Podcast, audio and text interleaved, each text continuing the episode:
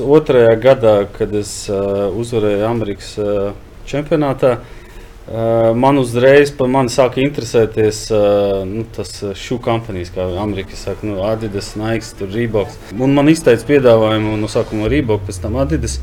Un es vienkārši to saskaitīju, to summu, cik man bija jāmaksā par skolu.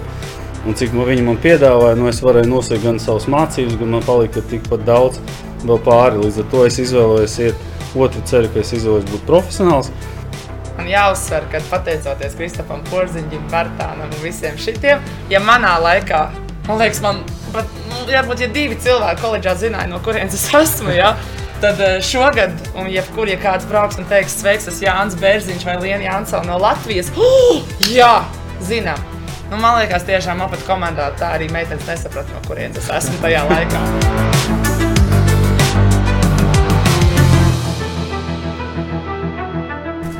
Esiet sveicināti sporta draugi, sporta studijas astotais podkāsts, jeb raidieraksts ciet gaisā. Marts eh, Amerikā tiek dēvēts par Marta trakumu. Protams, tas saistīts ar NCAA, jeb Amerikas augstskolu basketbola čempionātu, kur izšķirošās spēles iet vaļā. Šoreiz rekordgads, pieci latvieši piedalījās un vēl turpina daži arī piedalīties basketbola svarīgākajās spēlēs Amerikā. Tieši tāpēc mēs arī par NCAA visu lielo ASV studentu sportu runāsim. Un šoreiz man arī divi ciemiņi, kas ir NCAA pavadījuši ļoti augstā līmenī vairākus gadus.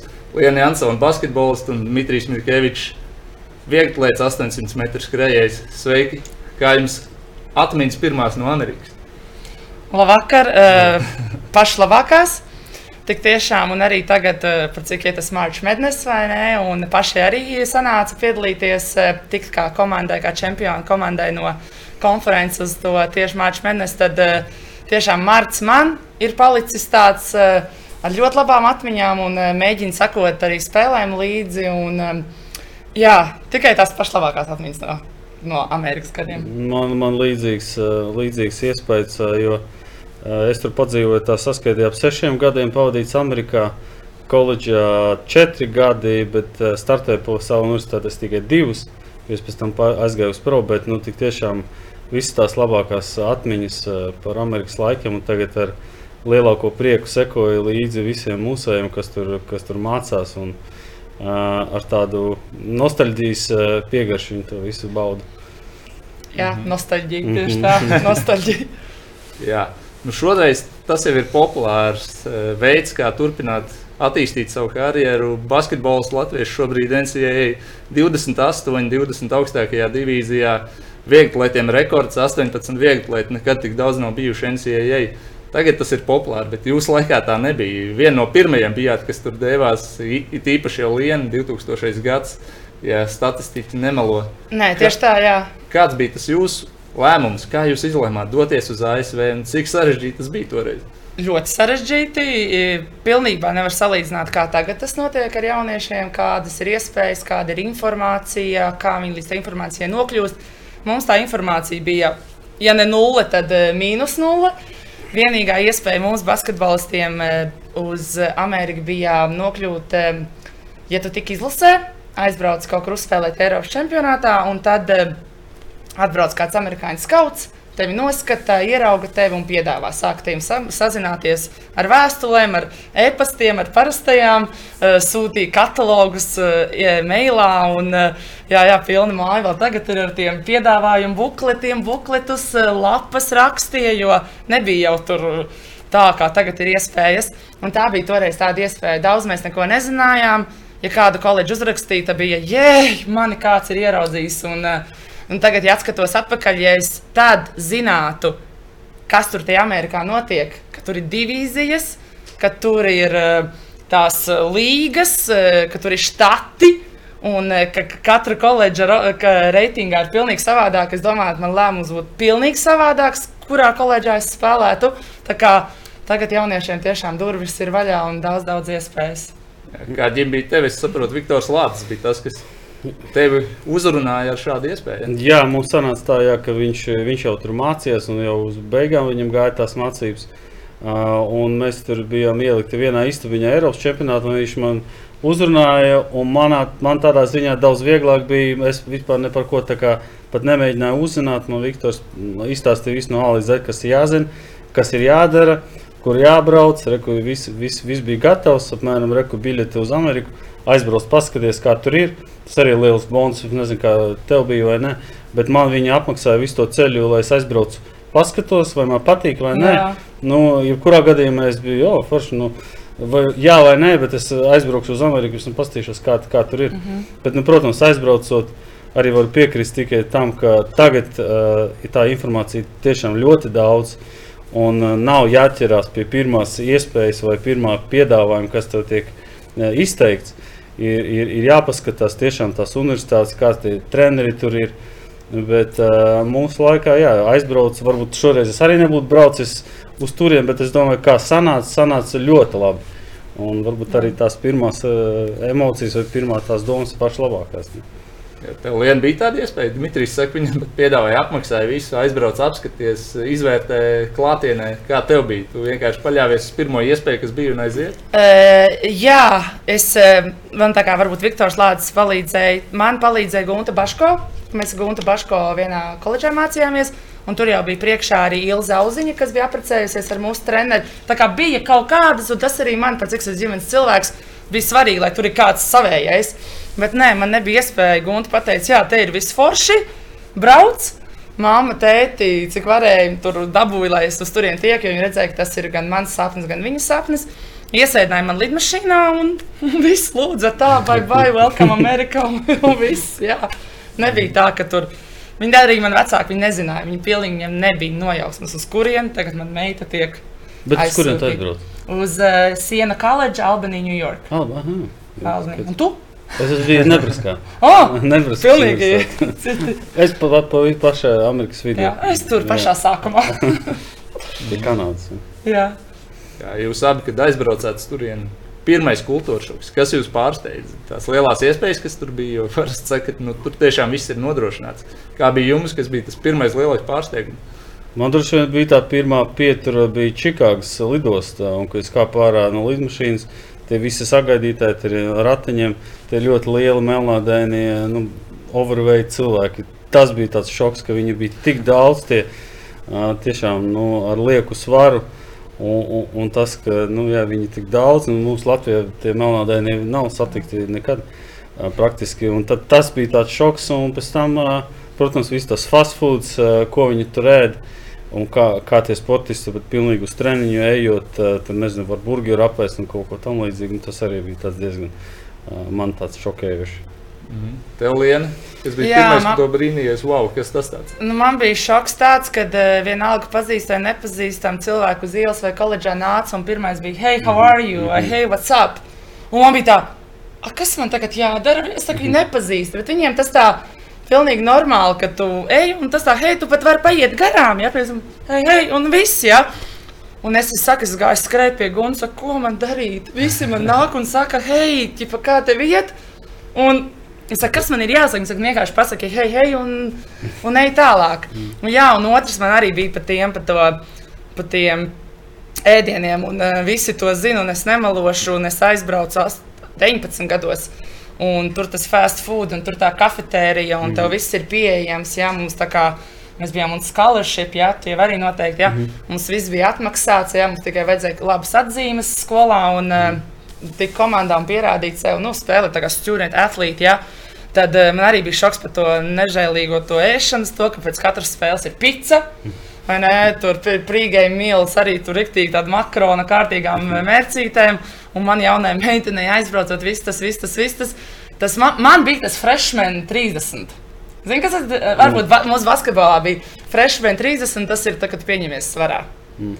Jā, ja Latvijā es dzīvoju, tad aizbraucu mazu slaidu meitenīti. Tad pēc Amerikas pirmā gada. Diemžēl es iekrītu tajā kategorijā, kad viss bija viena bez vecākiem. Dzīvoju, un man bija tas, jā, tas freshman plus 30, vai kā viņi tur sauc. Jā. Bet gadījumā jūs tur nesvēra un nebija jāiet uh, body fat pa- composition. Jā, jā, visu mūs tur, bet nebija tik Ne, ļoti. jo mums bija katru nedēļu, un viņi pārbaudīja, ja viņi redz, ka tu sāc pieņemties varā, tad viņi tev nu, tā diezgan seko līdzi tam. Jā. Nu, varbūt es tādu pārāk tievu aizbraucu, tad es, nu, man bija kur vēl to. Bet, nu, es pati, bet nē, nē, viņiem bija galvenais, viss ir ok, rezultāti ir. Mm. Laukumā var paskriet, eh, komanda uzvar. Nu, tā. Protams, nevarēja to baigi redzēt, bet nu, es iekļāvos tajā kategorijā, kad viss prom no vecākiem dzīvoja vienā. Viss ir, un tu jau jauna meitene. Tagad, protams, es to pilnīgi savādāk jo, nu, uztvertu gan to kultūru, gan to dzīvošanu, gan to ēdināšanu. Bija viss, ņem, ko gribi, ēd, ko gribi, nu, tad neskaties. Un, jā, tas man bija tāds kultūrālais šoks. Mm -hmm. Labi, beidzot to pirmo sadaļu. Katram no jums viens tāds trakākais atgadījums, koledžā, nezinu, balīt, kaut kāds spilgtākais brīdis, ko jūs parasti izstāstāt, kā tur gāja. Nu, Droši vien man īstenībā tagad pašlaik arī notiek Amerikā Austinā Texas Relays, tāds viena no lielākajām vieglietīgas sacensībām. Un tad pēc sacensībām, nu, parasti ir tāda tā kā balīta, ne balīta. Mēs arī izgājām ielās, un tad mēs gājām, un sāka šaušana. Nu, kā, a, nu, kāds ar, ar pistoli sāk šaut.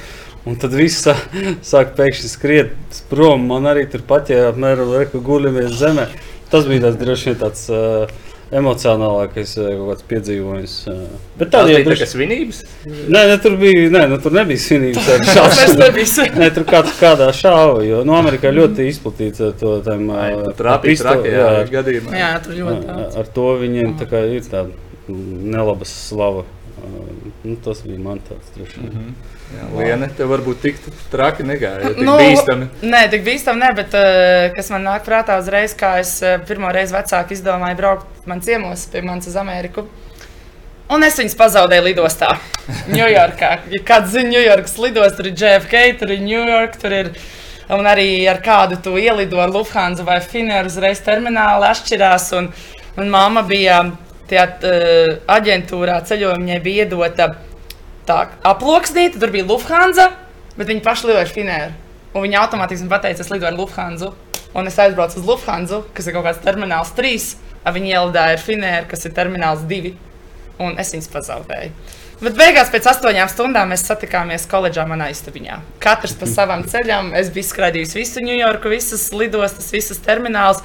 Teica, man bija gaidījuši trīs stundas Ņujorkā. Es sapratu, ka nu, kaut kas ir noticis, jāsāk pašiem kaut kā paši ar vilcienu autobusu bija nokļuvuši līdz manai koledžai, atraduši uh, sargu. Uh, kas brauka apkārt naktīs un pateikuši Lienu Jansonu, Lienu Jansonu, kur ievadījuši sistēmā, koledžā aizveduši. Viņam, es, es atbraucu, viņam sēdēja manā istabiņā. Mm -hmm. Jā, tas bija ļoti jauki. Pazaudēt vecākus Ņujorkas lidostā. Mm -hmm. Jā, kāds būtu jūsu padoms jauniešiem, kas tagad uz turieni dodas? Protams, tagad tā informācija un saziņa ir pilnīgi citā līmenī. Bet kā tur iedzīvoties, kā pierast pie tās Amerikas vidas, ko jūs varētu ieteikt, jums, kas jums pašiem palīdzēja tur iedzīvoties? Es, nu, man pieņems, un arī Lienam arī bija kaut kāds cilvēks, tur, kas tur jau bija klāt. Nu, man, manā, skati, manā gadījumā tas bija gan Viktors, gan Inete. Tur bija uz vietas. To man bija sava teiksim, ģimene, kuriem es tur varēju arī latviešu parunāt. Bet arī nav arī jāstreso, ka tu brauc viens pats. Varbūt tas pat vēl labāk, ka tu par to latviešu valodu pavisam aizmirsti un konstatējies. Jo pirmās, man liekas, tie, tie pirmie mēneši ir tas kultūrālais šoks par to angļu valodu. Ka tev arī, nu, es aizbraucu, man vajadzēja vēl nolikt TOEFL, man nebija vēl TOEFL nolikts. Es tur padzīvoju ar amerikāņu ģimeni, pamācījies to valodu. Bet tā, man liekas, ka, ja tu pilnībā ar visu, ar visu uzreiz esi amerikāņu vidē, arī ātrāk tu to tu valodu uztver, jo vieglāk tev iest tur mācībās. Es, es teiktu, ka, nu, ko, ko var ieteikt, nu, nebaidīties. Nu, vi, visam jā, tiks cauri. Nu, aizbrauks, nu, būs grūti. Protams, pietrūks īpaši varbūt meitenēm. Māma, tētis, ēdienas, nezinu, savu gultas pilns. Bet, nu, tas jau, tu jau zini, kāpēc tu to dari. Nu, tas kaut kas tev beig, beigās būs gan izglītība, gan tās iespējas, kas tur ir, kas tev pavērsies pēc tam, pēc tās beigšanas. Tas jau nu, saka, ap, nu, kā, nu, kas jādara, tas jādara. Nu, bet sportistiem tādā ziņā viņi jau tādi motivēti un traki. Uz to es domāju, ka arī Amerikā skaitās nu, arī darba tirgu ļoti pieprasīti ir atlēti sportisti.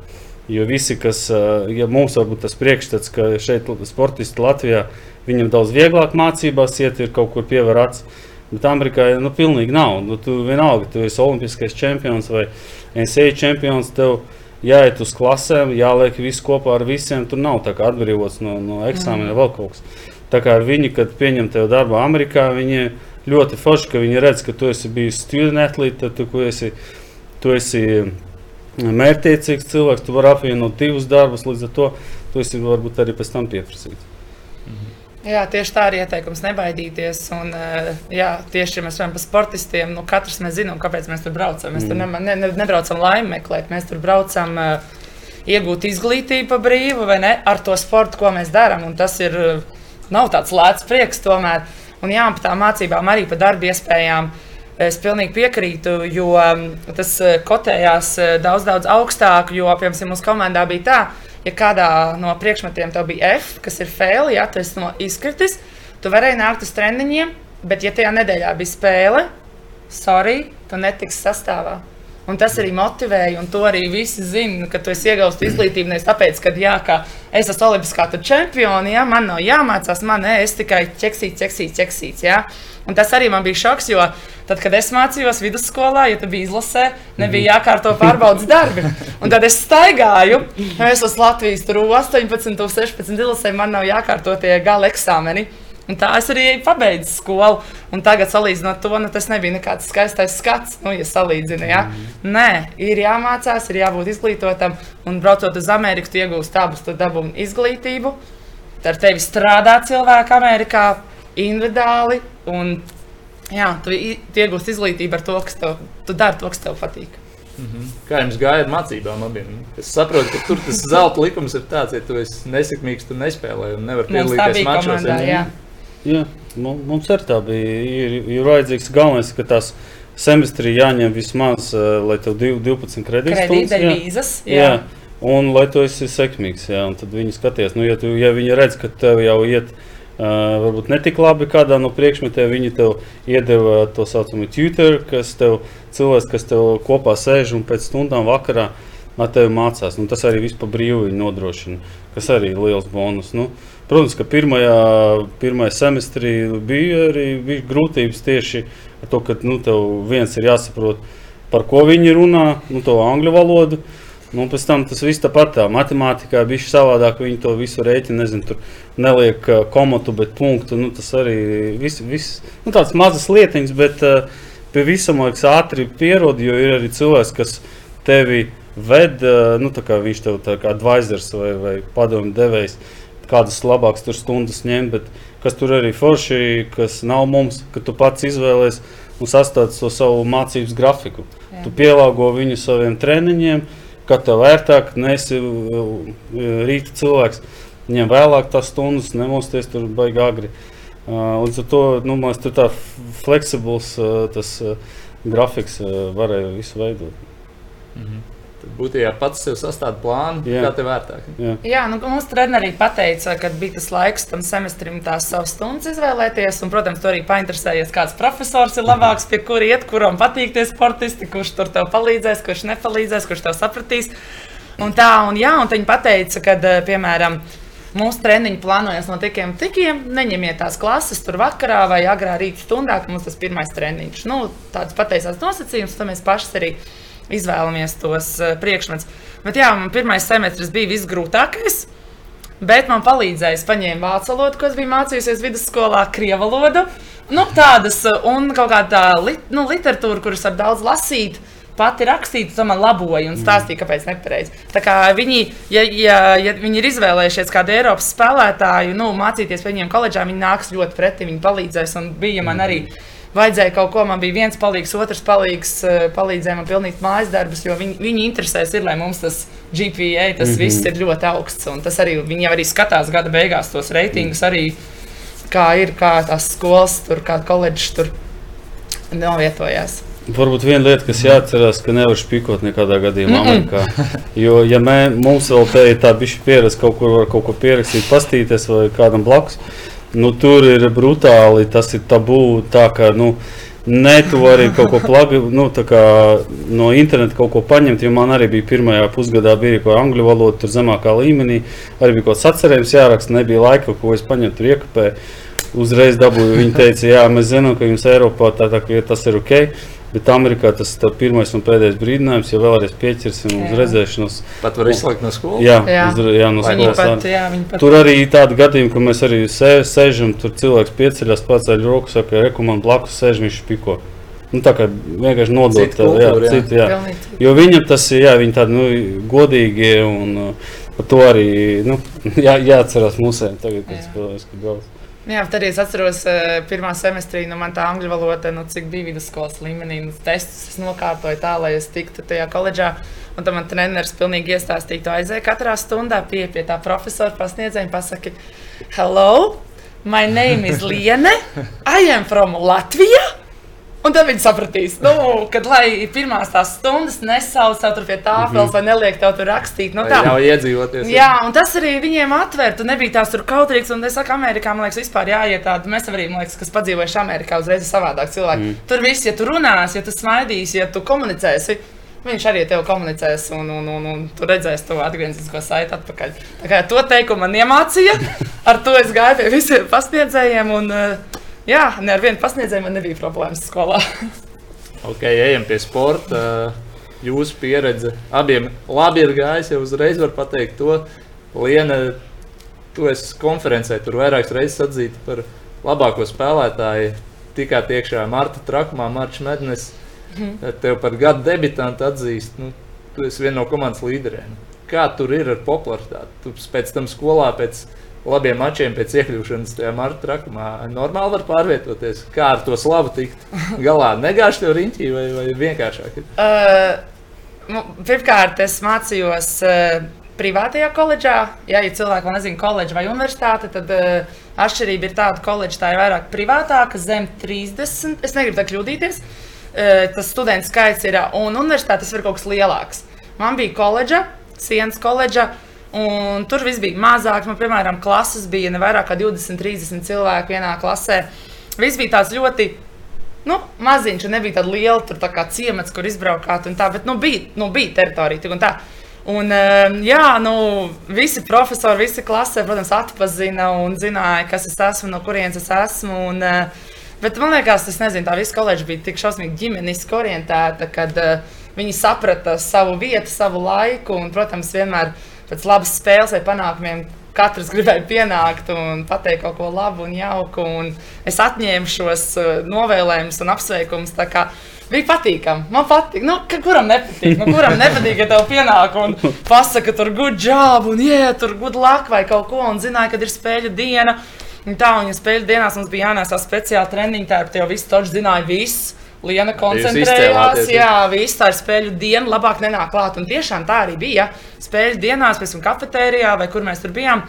Cilvēki tā ietrēdīs, ka viņām šodien svarīga diena, nenākat klāt. Tā tā, tas tā kā viena ģimene, tā koledža vienalga, vai tur ir viegli atletika, basketbols, mm -hmm. futbols. Visi zina, visi viens par otru, atbalsta viens otru. Un, nu, nav tā, tā uzmācīgā, varbūt domā, tur nāk, tur, oh, tur fočēties. Nē, neviens manī nefočējās koledžā. Jā. Es biju tā kā normāls cilvēks, tikai tādu labu vārdu, kāds arī pateica. Jā. Tu pieminēji to komandas kopību, bet kā bija ar konkurenci? Komandā? Jā, Oi, iekšēnē. oi. Cik sīva bija konkurence un kā, Liela. kā dāmu vidū tas vispār bija? Tas ir liela, jo, piemēram, tu vari būt cik labs tu gribi būt. Bet basketbolā tur ir pieņemts, um, ka freshmens un sophomores viņi nespēlē. Tie ir pirmie divi gadi. Jā, tu pirmos gadus aptausties un tā. Nu, man kaut kā noviecās, ka es jau freshman gadā izcīnīju to pamatpieciniekā savu vietu.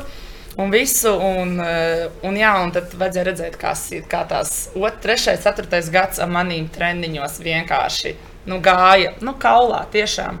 Tās lielās, kas jau tur četrus gadus pēkšņi kaut kāda freshmens no Latvijas atbrauc un pamat pieciniekā. Oi. Bet man liekas, tāpēc arī mēs kā komanda un katra kļuvām stiprāka un labāka, jo bija tā konkurence. Jo katra negribēja tā seniora, kam ir pēdējais gads, nu, viņi neatdos savu vietu freshmanim. Tā kā tās bija tiešām tur, kur filmās skatās, ka tur kaut kāds kārters vai tur labam basketbolu. Nu, tiešām, ka tur tā treneris to meiteni noliek uz uh, līnijas, jo viņi notur to roku ilgāk. Nu, tā arī bija. Nu, tur nu, nebija joka lieta. Bet, uh, Es saku, ja tu dari to, kas tev patīk, tu arī vari visu pārdzīvot, un tikai uz priekšu, un tev ir viens mērķis. konkurence gal galā palīdz attīstīt. Es simtprocentīgi, un Amerikā tas ir ļoti. Katrs tur cīnās par savu vietu, jo katra meitene vai kas, katrs uh, sportists ir nopelnījis to savu scholarship. Un tā ir tāda baigais, tāds liels zīmogs, tāda liela, liela atbildība. Man izvēlējās, ja man dod šo izglītību, man arī ir jā, nu, jānes šie augļi, jādod skolai, organizācijai, programmai atpakaļ. Mm -hmm. Jā, ģimene to arī uzvarēja NCAA čempionātā vienu gadu. Kā tev pēc tam bija? Tev noteikti tā skola bija lielāka, saprotu, nekā Lienai. Uz balīti, aizgāja meitenes nelicis virsū. Kā, kāda bija tev situācija? Es uz balīti negāju. Tā negāju. bija ļoti godīgs uh, un pieklājīgs sportists. Es, es tā ievēroju režīmu, bet uh, nu jā, es otrajā gadā, kad es uh, uzvarēju Amerikas čempionātā, man uzreiz par mani sāka interesēties nu, tas šūnu kompānijas, kā Amerikā saka, nu, Adidas, Nike, Reeboks. Jo nu, tas līmenis NCA ir ļoti augsts, un līdz ar to tas arī tirgus viņam liels. Un viņi, principā, no tos uzvarētājus uzreiz sāk pieskatīt un sāk viņam varbūt, piedāvāt jau kaut kāds kontrakts. Nu, kas jāzina, ka tu nevari būt profesionāls sportists un nevari mācīties Amerikas koledžās. Un, ja arī pirms varbūt, uzsākšanas koledžas tu jau esi kaut kur pelnījis ar sportu, Nu, attiecīgi, pieņas, ja es biju, būtu bijis kaut kādā dimanta līgā, uzvarējis un bija skaidri rakstīts, ka es uzvarēju tur 2000, es vairāk nevarētu uzsākt mācības Amerikā, jo tur tikai var mācīties amatieri. Nu, līdz ar to tā, tā man izteica piedāvājumu no sākuma Rībok, pēc tam Adidas. Un es vienkārši to saskaitīju, to summu, cik man bija jāmaksā par skolu. Un cik man, viņi man piedāvāja, nu, es varēju nosaukt gan savas mācības, gan man palika tikpat daudz vēl pāri. Līdz ar to es izvēlējos iet Otru ceru, ka es izvēlos būt profesionāls, bet es esmu divus gadus vēl pabeidzu Amerikā tās mācības. Uh, es domāju, ka tur, nu, varbūt basketbols spēlētāji mums nenebraska nebija pārāk labi, bet uh, Amerikā ļoti populārs ir amerikāņu futbols. Nu, tie džeki, kas spēlē amerikāņu futbolu, un mums te nebraskā tas futbols ir vienkārši tā kā viņu uh, lūdzās, kā, nezinu, futbola dievam. Uh, 90,000 skatītāju stadions. Uh, Es 40, cik tur 6 gadus, uh, visus, visas spēles ir pilnīgi sold out. Uh, līdz ar to tie, tie ir ļoti populāri. Mēs kā vieglieti, nu, kā jau arī starptautiskā arēnā, nu, zin, visi zina, Usain Bolt, varbūt kurš, kurš ir kārslacējs, tur zina, kā pasaules čempions, varbūt ne visi zina. Tāpēc tā arī tur bija, ka nu, savā, savā tur vieglietiks, protams, saimītē man, man pazina, bet tā kā pa ielu iet un visi tur tā kā lien, varbūt sveic, nu, man tā galīgi nebija. Ne. Mm -hmm. Pastāstiet to vienreiz par tām niansēm. E, kurpju pie, ražotāji tev piedāvā līgumu. -hmm. Tajā brīdī, tu, kad tu paraksti to līgumu, skaidrs, ka tu turpini mācīties, pats maksājot. E, bet kā ir ar sacensībām? Tu ārpus konkurences var piedalīties? Ne, nevar vairs. Arī. Nu, varbūt kādos mačos var. Protams, tur arī bija nu, neteiksim, konflikts, bet uh, domstarpības ar to, ka es esmu aizbraucu uz, es arī aizbraucu uz Eiropas pasaules čempionāta telpās un biju ceturtais. Nu, tad es savu to latiņu vēl, vēl, vai, vai, vērtību pacēlu vēl augstāk. Līdz ar to man no sākuma tur Rīboks piedāvāja kontraktu, bet pēc tam Adidas piedāvāja vēl vairāk naudas. Nu, kad es parakstīju to līgumu, es aizgāju pie, pie universitātes galvenā trenera un teicu, ka, nu, diemžēl, esmu pieņēmis to lēmumu būt profesionāli vai es eh, drīkstu trenēties tāpat eh, universitātes eh, stadionā. Nu, tad es nevarēju trenēties tajos laikos, kad trenējas komanda. Es varēju iet citos laikos. Protams, tur daži, daži pat arī komandas biedri varbūt pārmeta. Un, un bija tādi nejauki pret mani, varbūt daži treneri. Bet nu, viņam visiem jāsaprot, nu, tā, tā ir mana dzīve. Uh, tie mani gadi, un ja šodien, šogad es esmu zirgā un esmu pirmais pasaulē, o ne pasaulē, bet uh, Amerikā. Tas nenozīmē, ka nākošais gads es būšu tā, turpat, un vai man būs tas kontrakts piedāvāts. Es nekādā gadījumā neatbalstu to, ka pieņemsim iet un nepabeigt mācības. Es domāju, ka, nu, ja man bija tā iespēja, ja man iedeva to naudu un es varēju samaksāt un pabeigt mācības, tas tikai man liekas pa labu nāk. Super.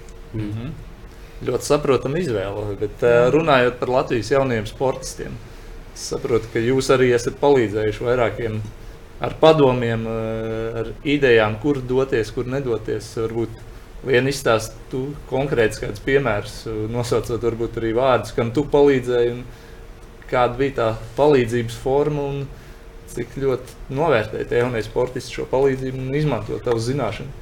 Jā, jaunieši novērtē, un uh, viņi vairāk sāk jau apzināties, kur to palīdzību var meklēt. Jā, ja, es teicu, mūsu laikā mums pat nebija pat, pat, nu, jēgas meklēt, jo mēs nezinājām. Tas bija vienīgais, ko tu zini, kas tur jau ir tajā galā.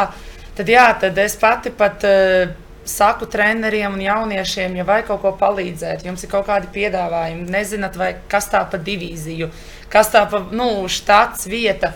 Droši, ja, jo man ir, ja es nezināšu, un es daudz ko nezinu, ja es zinu par savu štatu, par savu koledžu, un varbūt ir kādi draugi, tad man ir ļoti, ļoti daudz draugu. Man ļoti daudz treneru Amerikā ir uh, cilvēki, ar kuriem es jau sāku sadarboties, lai palīdzētu tieši šiem uh, bērniem aizbraukt tur, pamēģināt, kā tas ir, pirms viņi izmēģina šo uh, grib šo lielo soli spērt.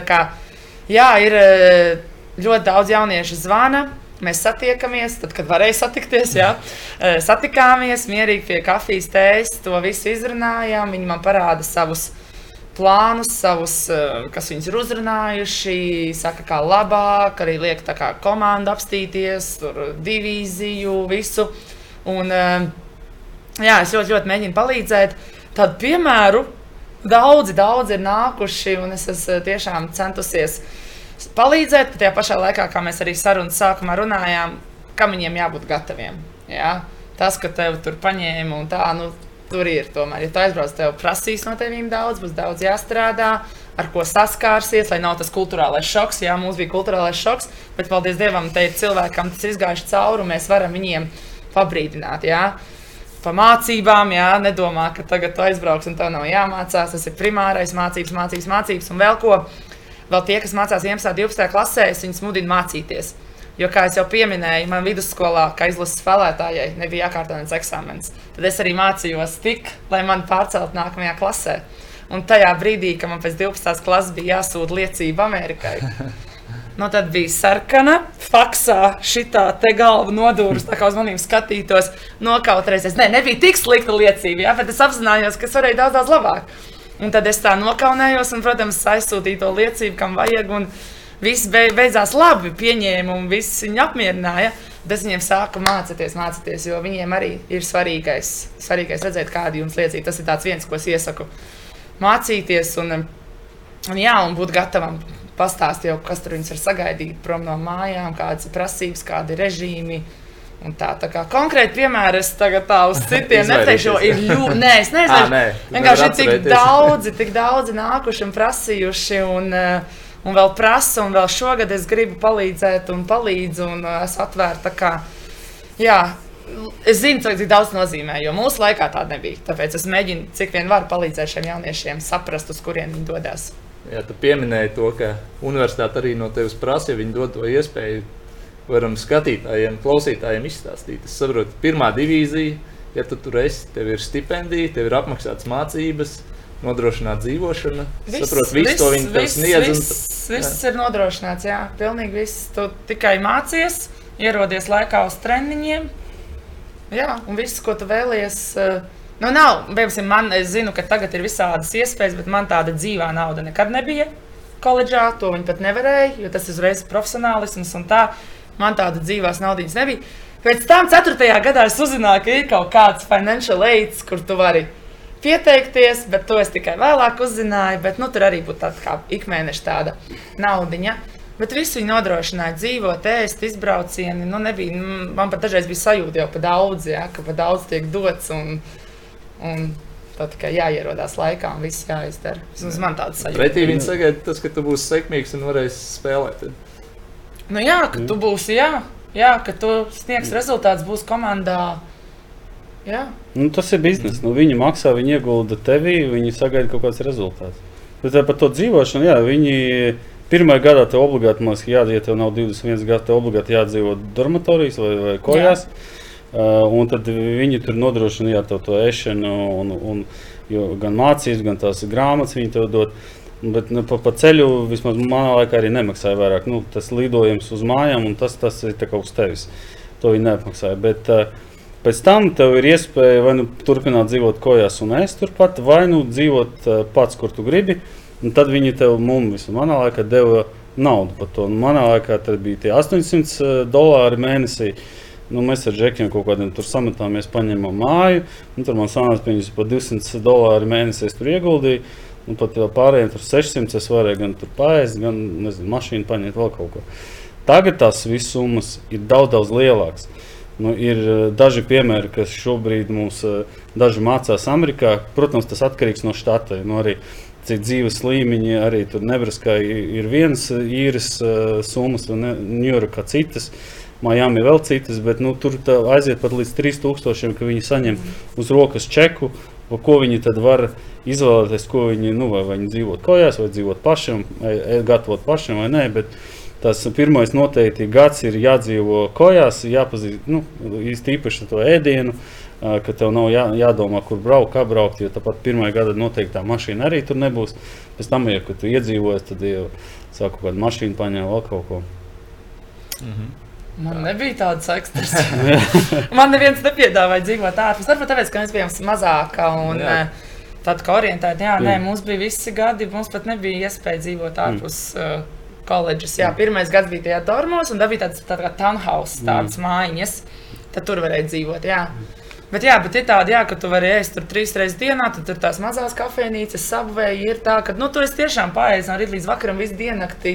Tu zini, ka tev būs arī ir mazie tādi kā kioskiņi, kur tu vari iet, un tev tāda kā savā studenta kartiņa, un ar to tu arī nu, maksā. Bet mēs ar Guntu to naudu, kas mums bija kafet, nu, tajās kioskiņos paredzēta, mēs iztērējām šajās zvanu kartēs.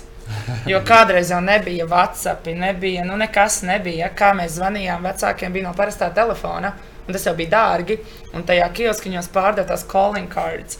Un tur bija 20 dolāri. Un mēs viņus nopirkām. Mēs zinājām, cik tur minūtes ir. Un mēs vienreiz nedēļā zvanījām mammai un tētim. Bet tas bija sen, nesatraucieties tā vairs. Komunikācija vairs nav problēma. Bet tās ir tādas sentimentālas, tādas ļoti tādas patīkamas atmiņas. Mm -hmm. okay. Par nokļūšanu NCAA. Ģimē jau pieminēja, nu, tur līmenis ir ļoti augsts. Uh, Viegli atletikai tīpaši. Nu, pasaules labākajos rezultātos lielākā daļa no augšgala tiešām ir no NCAA. Tie rezultāti, ko tur sasniedz arī nu, Latvijas rekordu līmenī, Latvijas čempionu līmenī. Cik labam ir jābūt viegli, lai tam lai nokļūtu, lai te vispār izskatītu un uzaicinātu NCAA līmenī nu, kur katra tur arī neņem. Ne? Tas arī jāsaprot, lai tai pirmā divīzijā tiktu, tur arī rezultātam jābūt. Not, noteikti, lai, lai iekļūtu Amerikā, nu, protams, kā arī mēs runājam, ir tie, tie līmeņi, ir Division 1, Division 2 un tā tālāk. Tur. Uh, bet uh, ir arī tie koledži, visu universitāti, vai no, kā viņas nosauc. Tur arī līmeņi ir. Nu, pieņasim, uh, Dažiem ir lielas ambīcijas, pieņemsim, uzvarēt kopvērtējumā, NCAA Championships, kā komandai paņemt to kausu. Dažiem ir liels panākums jau varbūt uz turieni, lai kāds tev tiek. Bet, nu, lai tā saprastu, no manas universitātes, no Nebraskas, kur es mācījos, tagad uz NCAA Championships aiz, aizbrauca pieci liekas, cilvēki vispār no visas komandas. Tad iekļūt NCAA jau ir liels panākums. Uh, Bet viņam vēl ir, eh, nav tikai interese NCAA championship, bet viņam ir, es pat domāju, ka pat svarīgāks ir konferences uh, čempionāti. Ja tas uh, sauc, ir sadalīts pa konferencēm, un uzvarētājs konferences ir ļoti svarīgi. Līdz ar to viņi var, varbūt arī redz, ka vai, vai uzaicina tos sportistus mūsējos, kur viņi redz, ka viņam ir vājās vietas, un varbūt mūsu sportists var aizsekt vairākus veidus kaut kādas. Nu, viņasim, ka, uh, Nu, ir arī tie, tie veidi, Amerikā, piemēram, sprints, skaidrs, ka tur ļoti augstā līmenī. Mums varbūt Latvijā nav tik, bet mums ir ļoti labi metēji, tālēcēji, trīsolecēji, kaut kāda tehniska veida cilvēki un, vai daudzcīnieki. Un tos viņi vairāk uzaicina. Bet ir vairāk, ļoti daudz universitātes. Jāsaprot, tos, ka arī uh, meitenēm arī bija vieglāk dabūt uh, stipendijas Amerikā. Jo, stipendijas dalās vīriešos un sievietēs. Un, ja koledžā vai universitātē ir kaut kāda spēļu komandas, kas ir futbols, piemēram, amerikāņi, tur ir 90 spēlētāji. Skaidrs, ka viņi paņem ļoti lielu daļu džeku skalašības, un te vieglai tikai paliek mazāk. Līdz ar to, bet meitenēm nav futbols, viņiem vairāk skalašību. Līdz ar to meitenēm varbūt ir vieglāk viņu tikt. Uh, bet uh, tā, tā, tie līmeņi universitāšu mainās. Katram savas ambīcijas, Un tāpēc nu, nevajag uh, domāt, ka tur uz turieni brauc tikai tie, kas, nezinu, kā, kā Gunta teica, ka jābūt obligāti Latvijas izlasē. Nu, Jā, ka, lai, tu, nu, viegli lieta kā tā nav. Nu, tu pat varbūt arī nebūtu Eiropas čempionāta dalībnieks. Varbūt tāpat tev var paņemt. Vai arī tas labs piemērs tagad. Mūsu 18 cilvēki noteikti nav visi no viņiem piedalījušies Eiropas vai pasaules čempionātā. Līdz ar to tas, eh, un ko viņi dod tev arī iespējas. Nu, jo tas nu, vieglietika arī nav tas, ka tu jaunatnē jau ļoti labi attīstījies. Daži varbūt labs ir, nu, kas izaug ar gadiem, paliek spēcīgāks. Viņi vienkārši to redz arī, kā treneri, tie skauti brauc. Vai sūta viņa video, treneri jau to viņam acīs jau labi ir. Tu Mhm. paskatās, ok, varbūt tagad tu neesi pirmais, bet ar, ar gadu, Nāc, jā. Tev, tev būs iespējas. Tev, tā kā, Jā, jo viņi jau ne, no atšķirība ar Eirolīgām un Eiropā vai kaut kur, nu, tas nav viena gada līgums. Tas ir četri gadi, mm. kur viņš, saka, viņiem ir acis. Un arī tagad, pirmārais, kad es piemēram pasaku, mēs man ā, uzrunā kāds jaunietis, gribu, es saku, ok, pirmais, nu, tu bez video vai tāda highlighta nekur netiksi. Es varu pateikt, to man te ir. Četru, tur, piemēram, 16 gadīgs džeks, kas tagad būs izlasē, tur vajag talantīgais. Viņiem tas neinteresē. Ja viņi neredz vizuālo, neredz kaut kādu 3-4 minūtu highlight, viņi pat, viņiem tas nav. Un viņi uzreiz, viņi tajā video uzreiz pastīsies, ir, ir, nav, nav. Un tas saka, tas viņiem ir 4 gadu ilgtermiņa tāds kā uh, cilvēks, projekts, ar ko viņi var strādāt. galā un kaut ko, iegulda jā, gal finanses. galā, jo, kā es, kā es pieminēju, spēlē jau seniori, ja tie, nu, es domāju, tas basketbolā ir, jā, un tev ir jāpierāda, tā kā, jā, tas tiešām tāds garš, garš procesiņš, un jā, un vajag viņiem redzēt to vizuālo, tādu mm -hmm. piebildītu pie tā, kā tur mm -hmm. nokļūt. Un arī piekritīšu tas, ka meitenēm ir vieglāk konkurence un tā, pa basketbolu runājot. Šobrīd jā. arī mēs redzam, ja? 15 Jā. meitenes un 5 zēni. Jā, tikai. jo džekiem, protams, Amerikā tas eh, basketbols ir savādāks, un, un eh, džekiem ir grūtāk, bet man jāuzsver, ka pateicoties Kristofam Porziņģim, Bartānam un visiem šitiem, ja manā laikā, man liekas, man pat, nu, varbūt, ja divi cilvēki koledžā zināja, no kurienes es esmu, ja, tad eh, šogad, un jebkur, ja kāds brauks un teiks, sveiks, tas Jānis Bērziņš vai Liena Jansona no Latvijas, oh, jā, zinām. Nu, man liekas, tiešām man pat komandā tā arī meitenes nesaprata, no kurienes es esmu tajā laikā. Tā kā laiki ir mainījušies, un tas ir viens plus mums, tieši jauniešiem, kas nāk no Latvijas, ka viņiem iet ar tādu Latvijas vārdu pasaulē. Labi, jaunais basketbolists, jaunais vieglietis Latvijā. Ar ko sākt? Ko jūs iesakāt? Kā sākt interesēties par to Amerikas sapni, ja kādam ir tā tikšanās uz NCA, ir tas mērķis. Jau 10. un 11. klasē jau jāsāk meklēt kontaktu. Es domāju, ka noteikti, jā, jo, i- lai, lai nokļūtu uz Ameriku, nu, uzreiz sāk mācīties, tev jānoliek tie testi, SAT vai TOEFL. Protams, var arī sākt mācīties, varbūt pirmo gadu Latvijā, var arī iestāties universitātē, kā es to darīju. Es iestājos Latvijas universitātē. Es arī. Un, un tad vienkārši uztaisīju transferu. Tad nebija jāliek SAT, vairāk bija vajadzīgs bija tikai TOEFL. Mēs esam pabeiguši vismaz es 15 gadus atpakaļ. Varbūt lietas mainās pa šiem gadiem. Bet noteikti ir cilvēki, kas var palīdzēt. Varbūt pašam nav jāizgudro Amerika. Pieņemsim, nu, ja kāds kaut ko grib, nu, arī, arī griežās pie, pie, pie mums, pie manis. Es teiktu, ka Viktors Lācis droši vien dabūjis lielāko daļu Latvijas vieglietu uz Ameriku. Uh, ir, protams, cilvēki, kas piedāvā pa maksu savus pakalpojumus. Uh, es teiktu, ka tiem nevajadzētu nu, izmantot viņus. Uh, var tikt visam uh, pats galā ar saviem kontaktiem. Nav jāmaksā nevienam uh, li liekas eiro. Uh, jā, jāmācās, uh, pareizi Lienu teica, jāmācās pirmkārt, un otrkārt jāmācās arī speciāli tam TOEFL testam. Ka tu nevari vienkārši angļu valodu, jā, nevar, atsevišķi. jā. nevar mācīties tikai angļu valodu un cerēt, ka tur noliks. Nu, kā jebkurā testā ir specifika, nu, ko tad viņi tev prasa. Nu, pirmkārt, ir jānoliek tas tests, lai tu jau esi tur, tad, tad viss aizies. Mm, Protams, jāpainteresējas, ā, vai tu vispār gribi. un Tad otrs, kād, kādas ir iespējas, kādi ir labi arī treneri tajās vietās. Nu, jo, nu, viens ir mācības, otrs arī, ja tu gribi tāpat turpināt savas sportiskās karjeras, nu, tu ne, nevari braukt pie pirmā cilvēka, kas tur, kas tur ir. Nu, tu jāapstāsta, kāda viņš, kā viņa, kā viņa domas par treniņu procesu un tā tālāk. Bet pirmais, es teiktu, jā, nu, prasīt tiem cilvēkiem, kas tur ir bijuši, kas to ir darījuši, kas tev var vienkārši godīgi un atklāti pateikt, kas ir tie soļi, ku- kuri, kuri, kuri jāiet. Bet es teiktu, ka uh, manā pieredzē, nu, principā 90% visi ir kaut ko uzjautā. Nu, es pat nu, tādu nezinu, kuri paši par sevi tur tā Pat, kā- jā, tāpat paņēmuši Mm, vienkārši aizbraukuši. Jā. Vienmēr, ja kāds tur aizbrauc, kāds mm. ir ar kādu kaut kur komunicējis, prasījis un jautājis. Jā. Mhm. Teiktu, ka droši var man jautāt, Viktoram, federācijai, novirzīsim pie pareiziem cilvēkiem. Jo mēs Jā. vien, viens par, par vienu esam, un mēs esam ļoti mazi.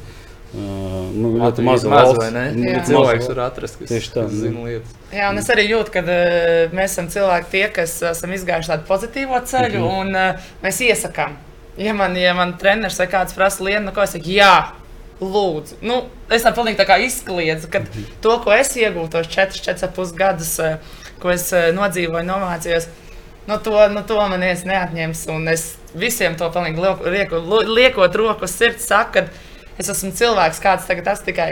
Nu, tiešām tam, kam es izgāju tur cauri, daudz ko nu, tā kā ar tevīm tur strādā. Tā kā, nu, tas ir tiešām tas ir fantastiski, un es visiem iesaku, un es esmu tas, kas par, par to, ka jaunieši pēc vidusskolas aizbrauc un nomācās un iegūst šo izglītību. Un, Ar sportu iegūst izglītību Amerikā. Tā kā jā, Jo jāsaprot, viens, eh, kas ir sliktākais, kas var notikt. Nu, tev nepatīk, nu, pēc pusgada, mēneša, Jā. diviem, trim brauc atpakaļ mājās.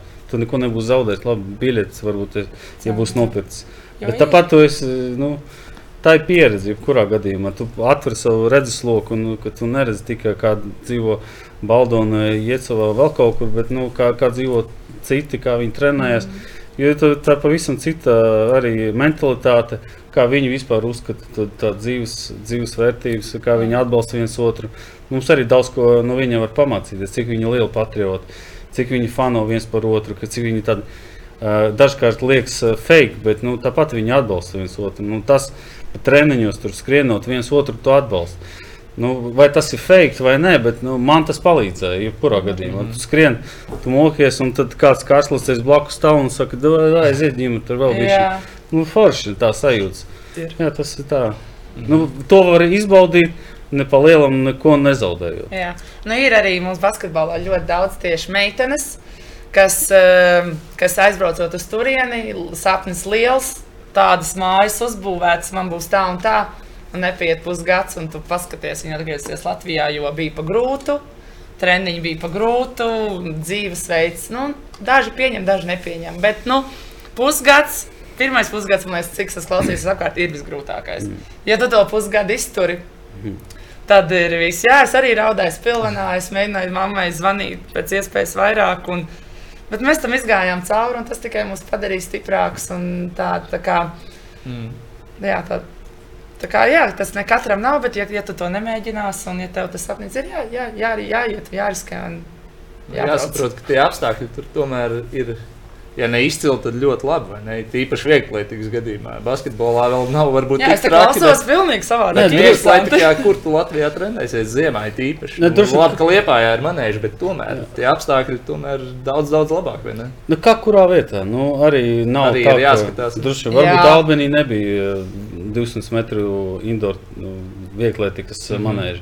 Iespējams, nu, daudz, daudz kur ir. Tur, kur arī Viktors beidz bija Vičitā, jā, universitātē, tur arī nebija ar virāžām manēža. Jā. Bet, uh, Protams, lielākajos tajās universitātēs, un labākajās skolās tas viss ir. Tur nu, viss ir nodrošināts tādā ziņā. Bet, eh, nu, noteikti labāk nekā šobrīd mums Latvijā. Nu, es arī būdams no federācijas puses, varbūt izklausos slikti, ka mēs, es, es iesaku visiem braukt prom.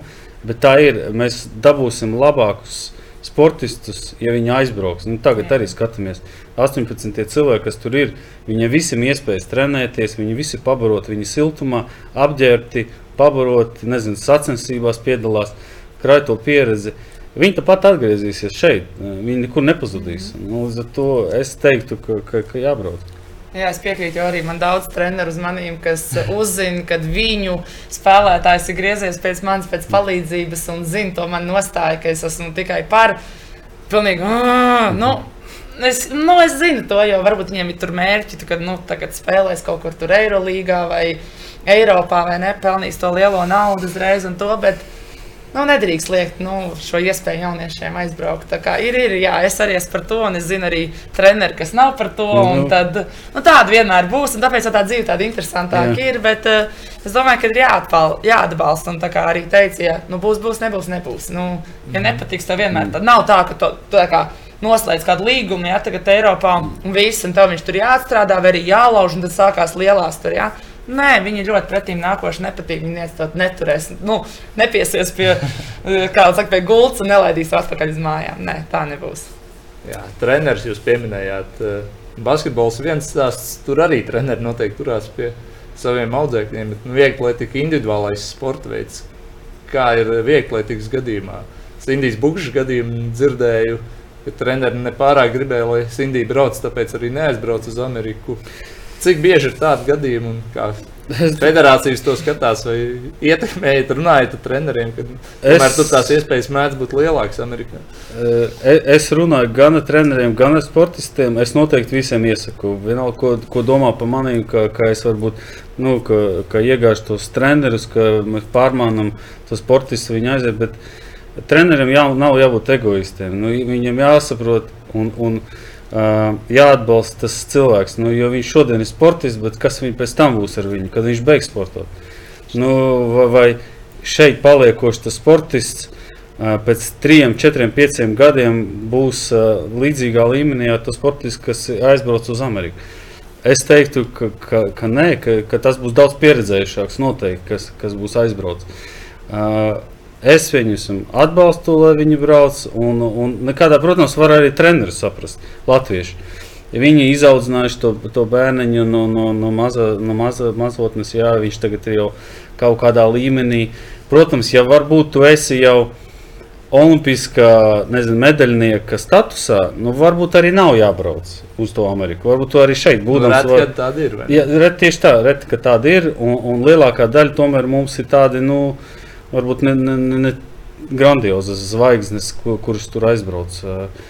Bet es domāju, lielākajai daļai tikai nāks pa labu. Mhm.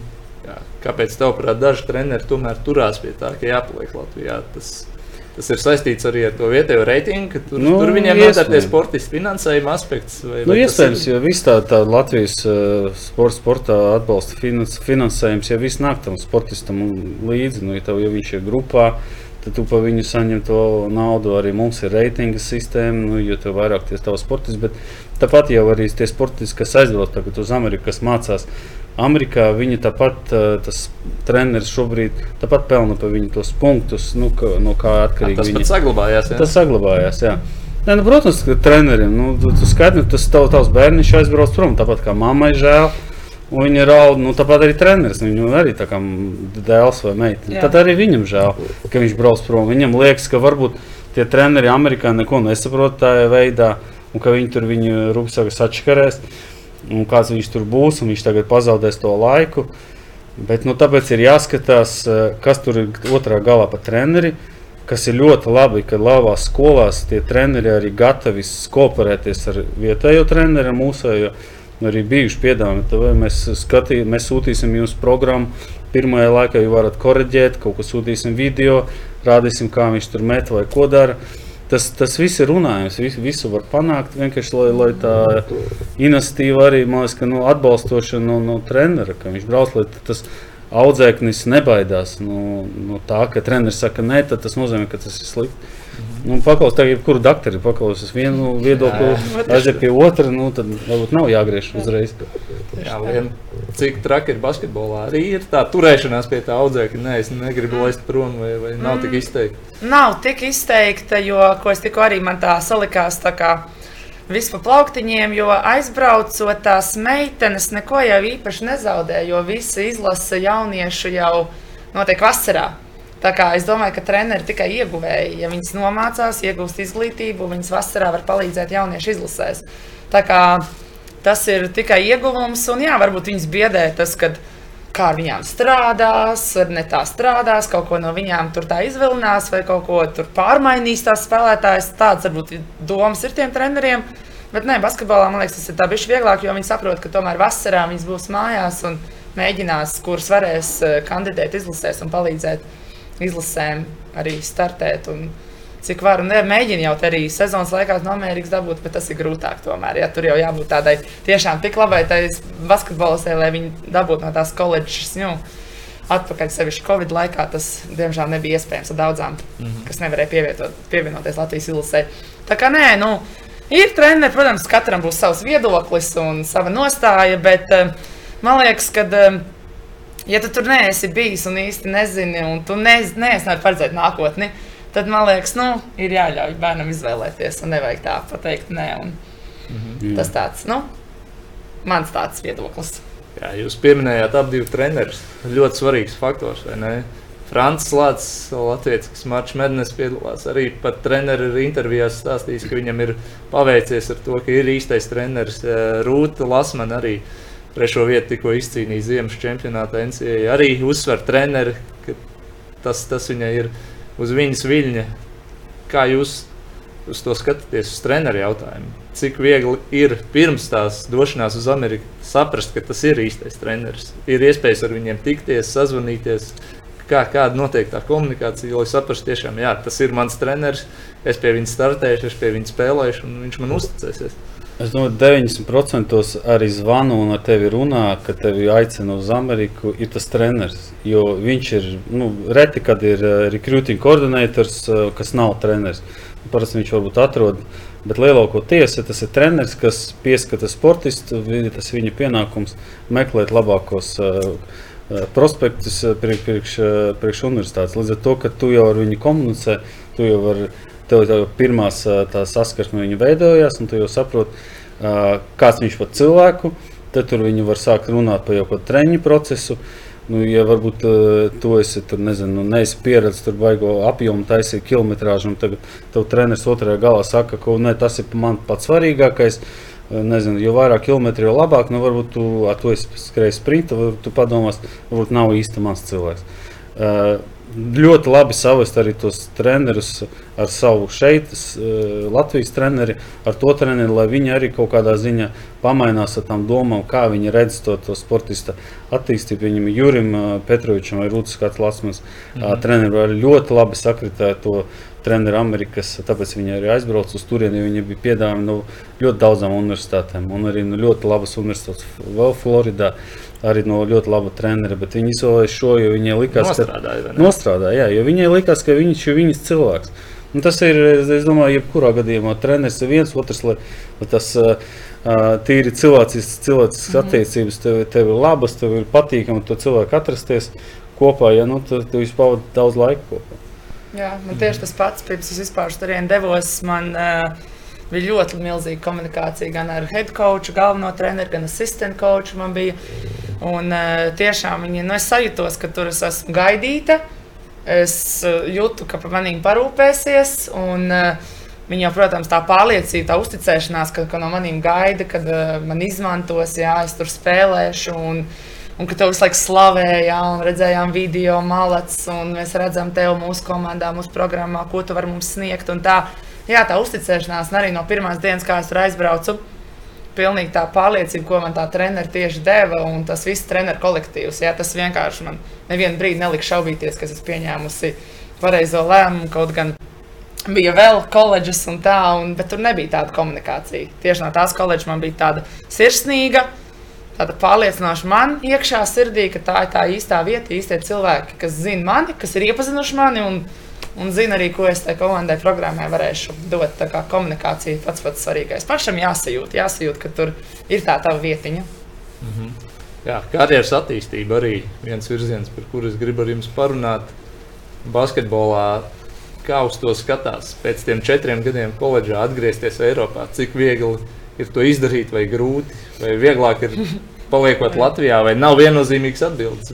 Kā uh, tavā gadījumā, laikam, izdevās labi. Jā, nu, jo, jā, jo katrai no mums ir savs stāsts. Nu, tur varētu grāmatu un encyklopēdiju uzrakstīt uh, par katru spēlētāju, kas ir uh, studējis un mācīsies un spēlējis Amerikā, un kā viņai ceļš ir izvērties. Ja?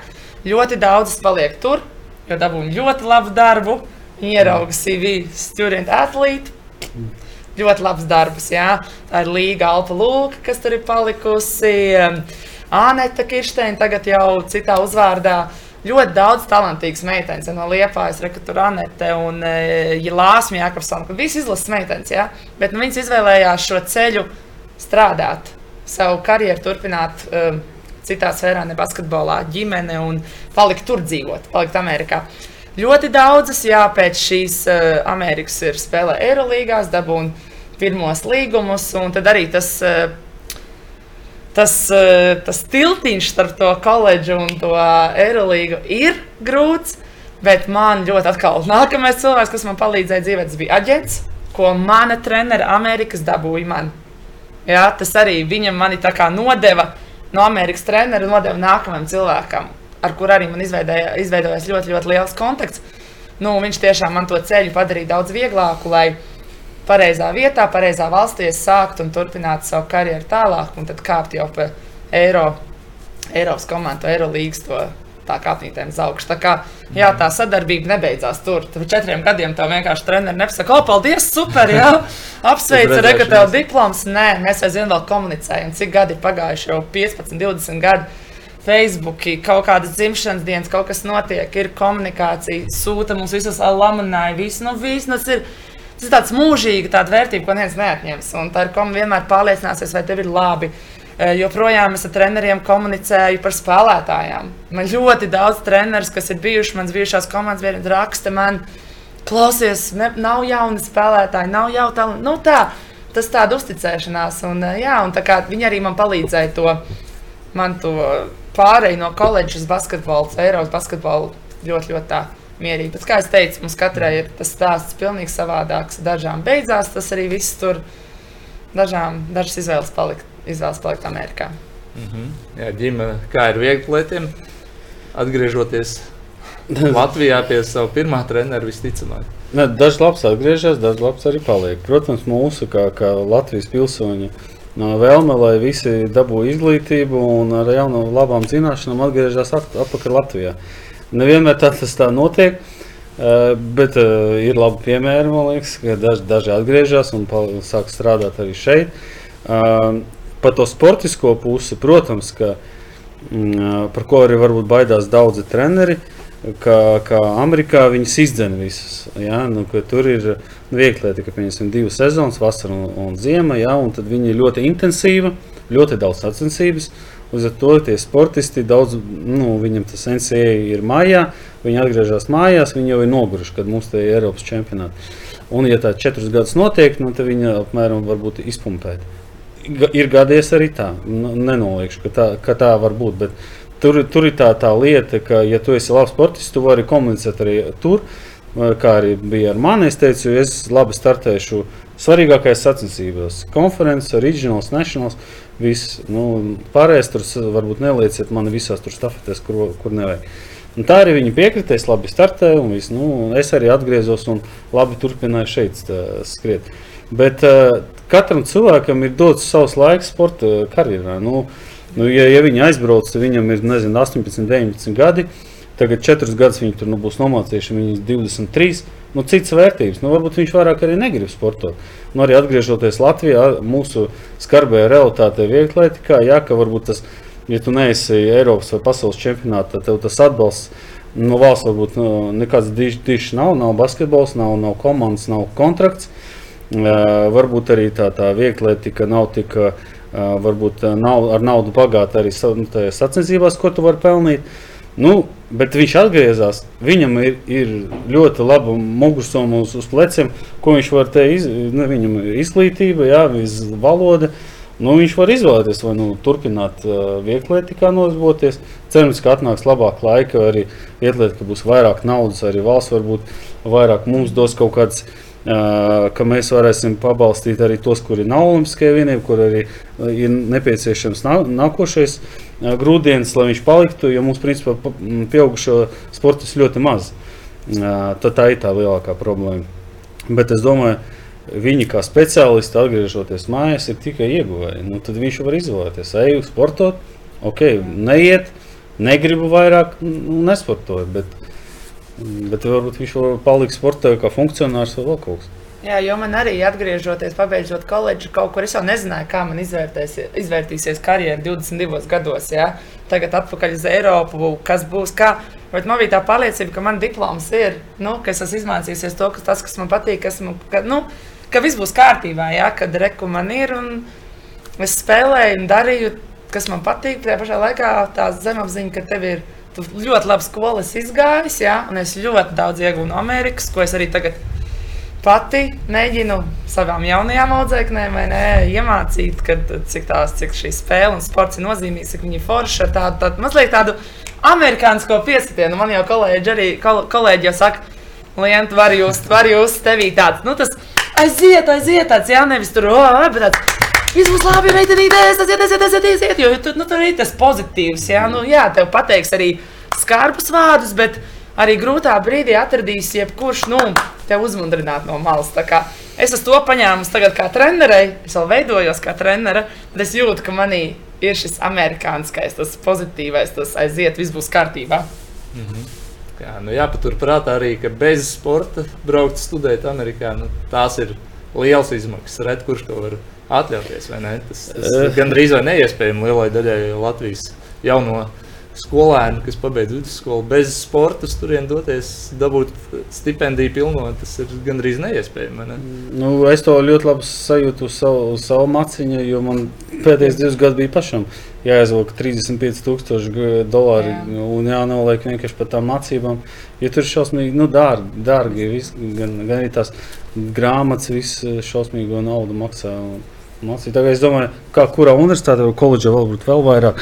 Bet nu, mums vidēji jā, bija ap 3,5 tūkstoši. Nu, man arī mammai tēti bija liels šoks. Es aizbraucu, ieliku man lidmašīnā, aizsūtīšu man lidmašīnu. Un viņiem atnāk mails, tur kaut kāds pusgads, gads pagājis, atnāk mails, vēstures, eh, vēstulīte, siena koledžiņa var vaļā. Un tur tā kā, nu, čeks, nu, rēķins, rēķins jā, 30 tūkstoši. Mama, tēta, tā, ko mums lieta nav pastāstījusi. Tā kā jokā, humorā, ja? bet tajā brīdī viņi arī redzot sev acu priekšā, ko, ja, ko viņi nu, nekad nespētu. Nu, tas ir nezinu, kādā pasaulē. Ja? Eh, dot savai meitai tādu izglītību un būt uh, tur, ja vienkārši tajā brīdī tā. Wow, viņam bija tāds jociņš, jā, tā, ko Liena mums nav pateikusi. Vai mums tas ir jāmaksā, un tiešām liek aptvērt, kā, kā, kāds darbs tajā galā tiek ieguldīts un darīts, lai es tur būtu, mācītos un iegūtu izglītību. Mm -hmm. okay, paldies, ka veltījāt laiku sporta studijas. Nu, jau astotajam podkāstam, atvadoties varbūt tādu esenci no katra no jums. Uh, vēstījums jaunajiem Latvijas skolēniem, 10. un 11. klase, ko apdomāt, vai ja gatavojas sliekties tajā NCA virzienā? Liena. um, man liekas, mēs tik daudz ko izrunājām, tādus, man liekas, atslēgas vārdus uh, visas sarunas laikā, katrs pieminējām. Bet jā, galvenais ir nebaidīties. Jā? Ja kāds tev saka, ko tu tur, kāda Amerika, ko Nu, ja tu jūti, ka tas ir priekš tevis, nu, tad es domāju, ka ir jāpamēģina. Jā? Un, eh, kā jau teicu, jāizmanto visas šīs iespējas, kas ir apkārt. Jā? Ir tik daudz informācijas, internetā var daudz ko atrast. Ja kādas šaubas, ir ļoti daudz cilvēku apkārt, kam var pajautāt, jā? kas ir gājuši cauri to. Arī var atrast internetā, vai ne, kurš ir uh, mācījies Amerikā un tā. Un, Jā, un milzīgs prieks par tiem, kas ir jau tagad Amerikā, vēl turam īkšķus, vēl turpina spēlēt Mārķa Mednesā.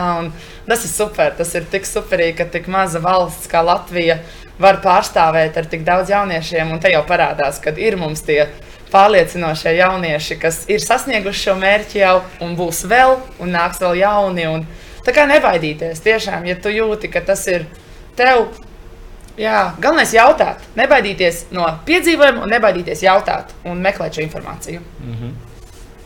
Jā, droši vien nav, nav ko gluži ko piebilst. Uh, uh, es domāju, vajag attīstīt to savu talantu. Atcerieties to, ka tev tas laiks, laiks varbūt nav tik, tik, tik liels dots, lai saprastu, vai tu gribi. Jo Amerikā arī ir četri gadi tev doti.